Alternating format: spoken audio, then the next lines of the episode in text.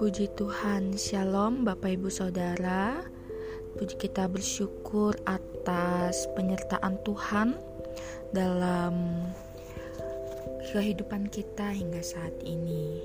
Bapak Ibu Saudara, pada pagi hari ini kita akan kembali mendengarkan kebenaran firman Tuhan.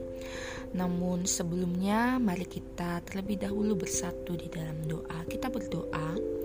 Tuhan Yesus, terima kasih atas kasih setiamu dalam kehidupan kami hingga saat ini.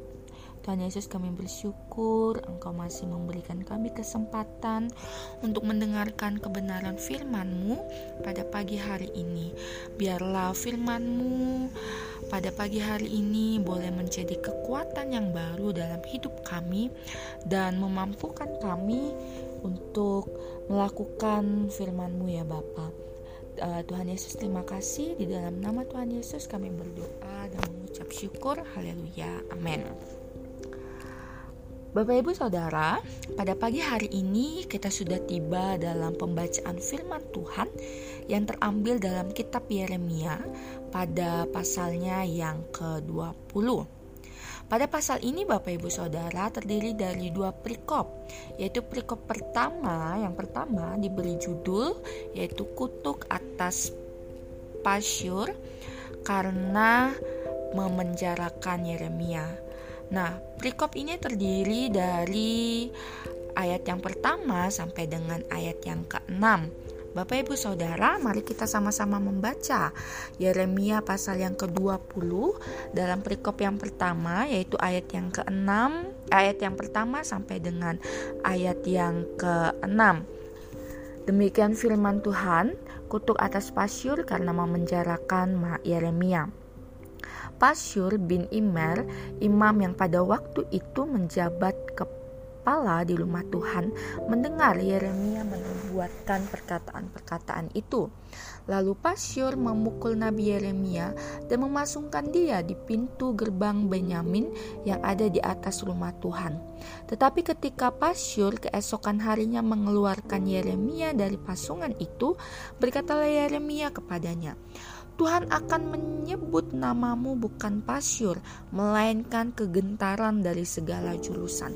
Sebab beginilah firman Tuhan, sesungguhnya aku akan membuat engkau menjadi kegentaran bagimu sendiri, dan bagi semua sahabatmu, mereka akan rebah mati oleh pedang musuhnya di depan matamu sendiri. Dan seluruh Yehuda akan kuserahkan ke dalam tangan Raja Babel yang akan mengangkut mereka ke dalam pembuangan ke Babel dan memukul mati mereka dengan pedang.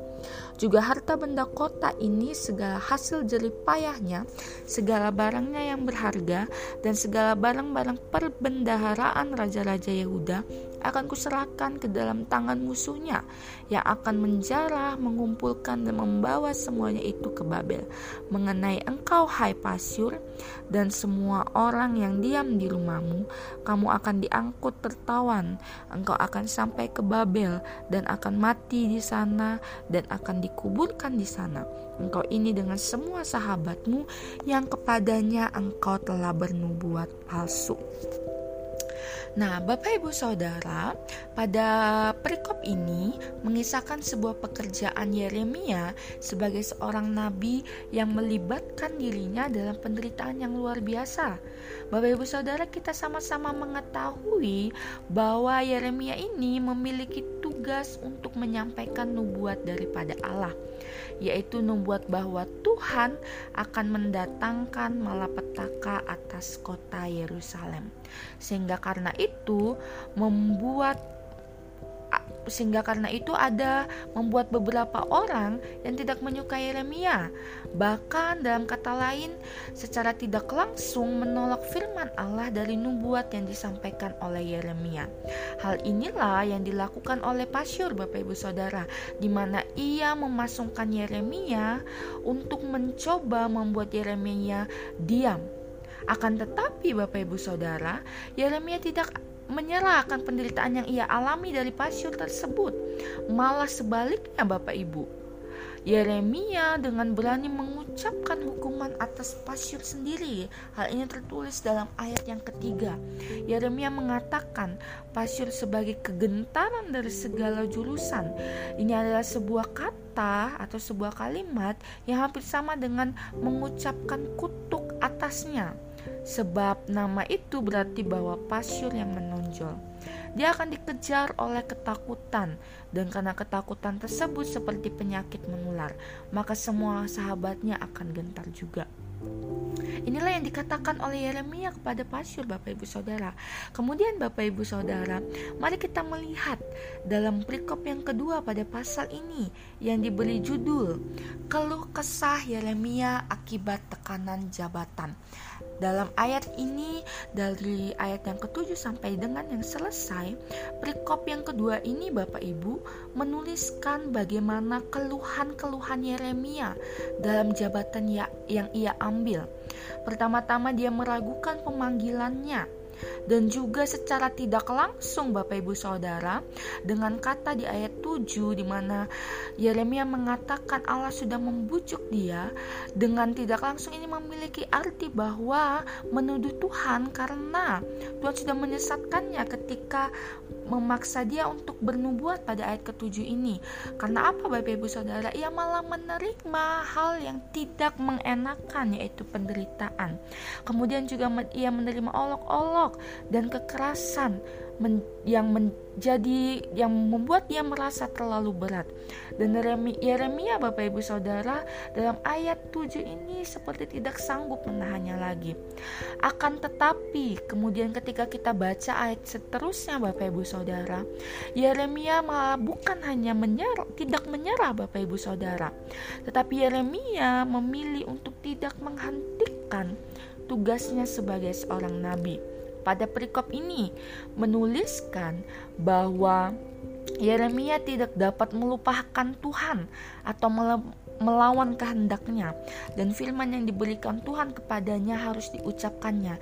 Inilah ayat yang kesembilan yang disampaikan pada pembacaan kita pada hari ini Bapak Ibu Saudara. Kemudian Yeremia berpikir lagi tentang penganiayaan yang harus dihadapinya. Banyak orang akan mengolok-oloknya dan semua sahabat karibnya pun mengamati kalau-kalau Yeremia tersandung jatuh. Banyak yang berharap Bapak Ibu Saudara bahwa orang-orang akan membujuk Yeremia atau memaksa Yeremia menghentikan tugasnya sebagai nabi. Dan dengan demikian meniadakan daripadanya kuasa firman Allah dan pembalasan dendam Bapak Ibu Saudara. Nah, Bapak Ibu Saudara, hal yang menarik adalah dengan begitu banyak yang dialami oleh Yeremia sebagai pelayan Tuhan untuk menyampaikan nubuat firman Tuhan, Yeremia kemudian mengingat bahwa Tuhan berjanji menyertai dia dan melindungi dia sama seperti seorang pahlawan yang gagah. Dengan demikian iman Yeremia dibaharui dan ia sanggup disanggupkan untuk melaksanakan tugasnya. Bapak Ibu Saudara dalam ayat 11 menuliskan bahwa orang-orang yang mengejar Yeremia tidak akan menang, tetapi mereka akan dinodai untuk selama-lamanya. Karena pengalamannya yang pahit, Yeremia mengetahui bahwa Tuhan menguji orang benar, tetapi Tuhan juga hakim yang adil yang melihat batin dan hati. Bapak, ibu, saudara, dalam pasal ini kita sama-sama bisa belajar bahwa dalam mengikut Tuhan ada salib yang harus kita pikul. Dalam mengikut Tuhan bukan berarti perjalanan kehidupan kita semuanya akan lancar tanpa adanya tantangan. Akan tetapi Bapak Ibu Saudara, tantangan-tantangan pergumulan-pergumulan yang Tuhan Yesus izinkan untuk kita lalui dan membuat kita menyadari bahwa kita memiliki Allah yang tidak pernah meninggalkan kita Bapak Ibu Saudara. Sama halnya seperti Yeremia ketika ia mengikuti panggilan Tuhan untuk bernubuat bagi bangsa ya bangsa-bangsa yang ada, ya yang Yeremia terima malah hukuman pasung agar firman Tuhan tidak diberitakan oleh Pasyur. Namun, dalam tantangan yang Yeremia hadapi itu, ia tidak berhenti untuk melakukan tugas yang sudah diberikan Allah kepadanya. Nah, mari Bapak Ibu Saudara, kita sama-sama untuk tidak menyerah berada di dalam jalannya Tuhan Yesus kita. Walaupun ada begitu banyak tantangan yang kita alami, mari kita tidak menyerah karena kita menyadari bahwa kita berada di jalannya Tuhan. Kemudian Bapak Ibu Saudara, kita juga bisa belajar dari Yeremia, yaitu mengingat janji Allah.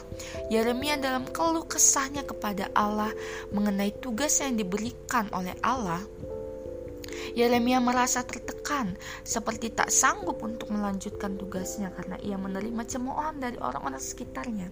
Akan tetapi dalam keluh kesahnya, Yeremia kemudian menyadari bahwa ia masih memiliki Allah yang mampu menepati janjinya. Yeremia akan Yeremia kemudian menyadari akan penyertaan Tuhan dan perlindungan Allah dalam kehidupannya. Bapak Ibu Saudara, melalui kisah Yeremia ini kita dapat melihat bahwa kita memiliki Allah yang setia kepada orang-orang yang mau percaya kepadanya. Mari Bapak Ibu Saudara dalam situasi apa pun yang kita hadapi saat ini, mari kita memiliki kesadaran seperti Yeremia yaitu menyadari bahwa Allah yang berjanji untuk menyertai setiap kita dan membuat kita untuk tidak menyerah. Amin Bapak Ibu Saudara. Demikian firman Tuhan kita pada hari ini. Tuhan Yesus memberkati. Baik Bapak Ibu Saudara, pada saat ini kita akan kembali bersatu hati berdoa menyerahkan pergumulan kita GSCA Bethesda Ministry untuk pembangunan gedung gereja kiranya Tuhan melancarkan dalam setiap proses yang ada. Tuhan kirimkan orang-orang untuk memberkati kita. Mari kita bersatu di dalam doa. Allah Bapa yang baik terima kasih atas firman yang boleh kami dengarkan pada pagi hari ini. Mengajarkan kami Tuhan untuk kami terus tidak menyerah di dalam Engkau. Karena kami percaya kami memiliki Allah yang sanggup menepati janji dan juga menyertai kami di mana pun kami berada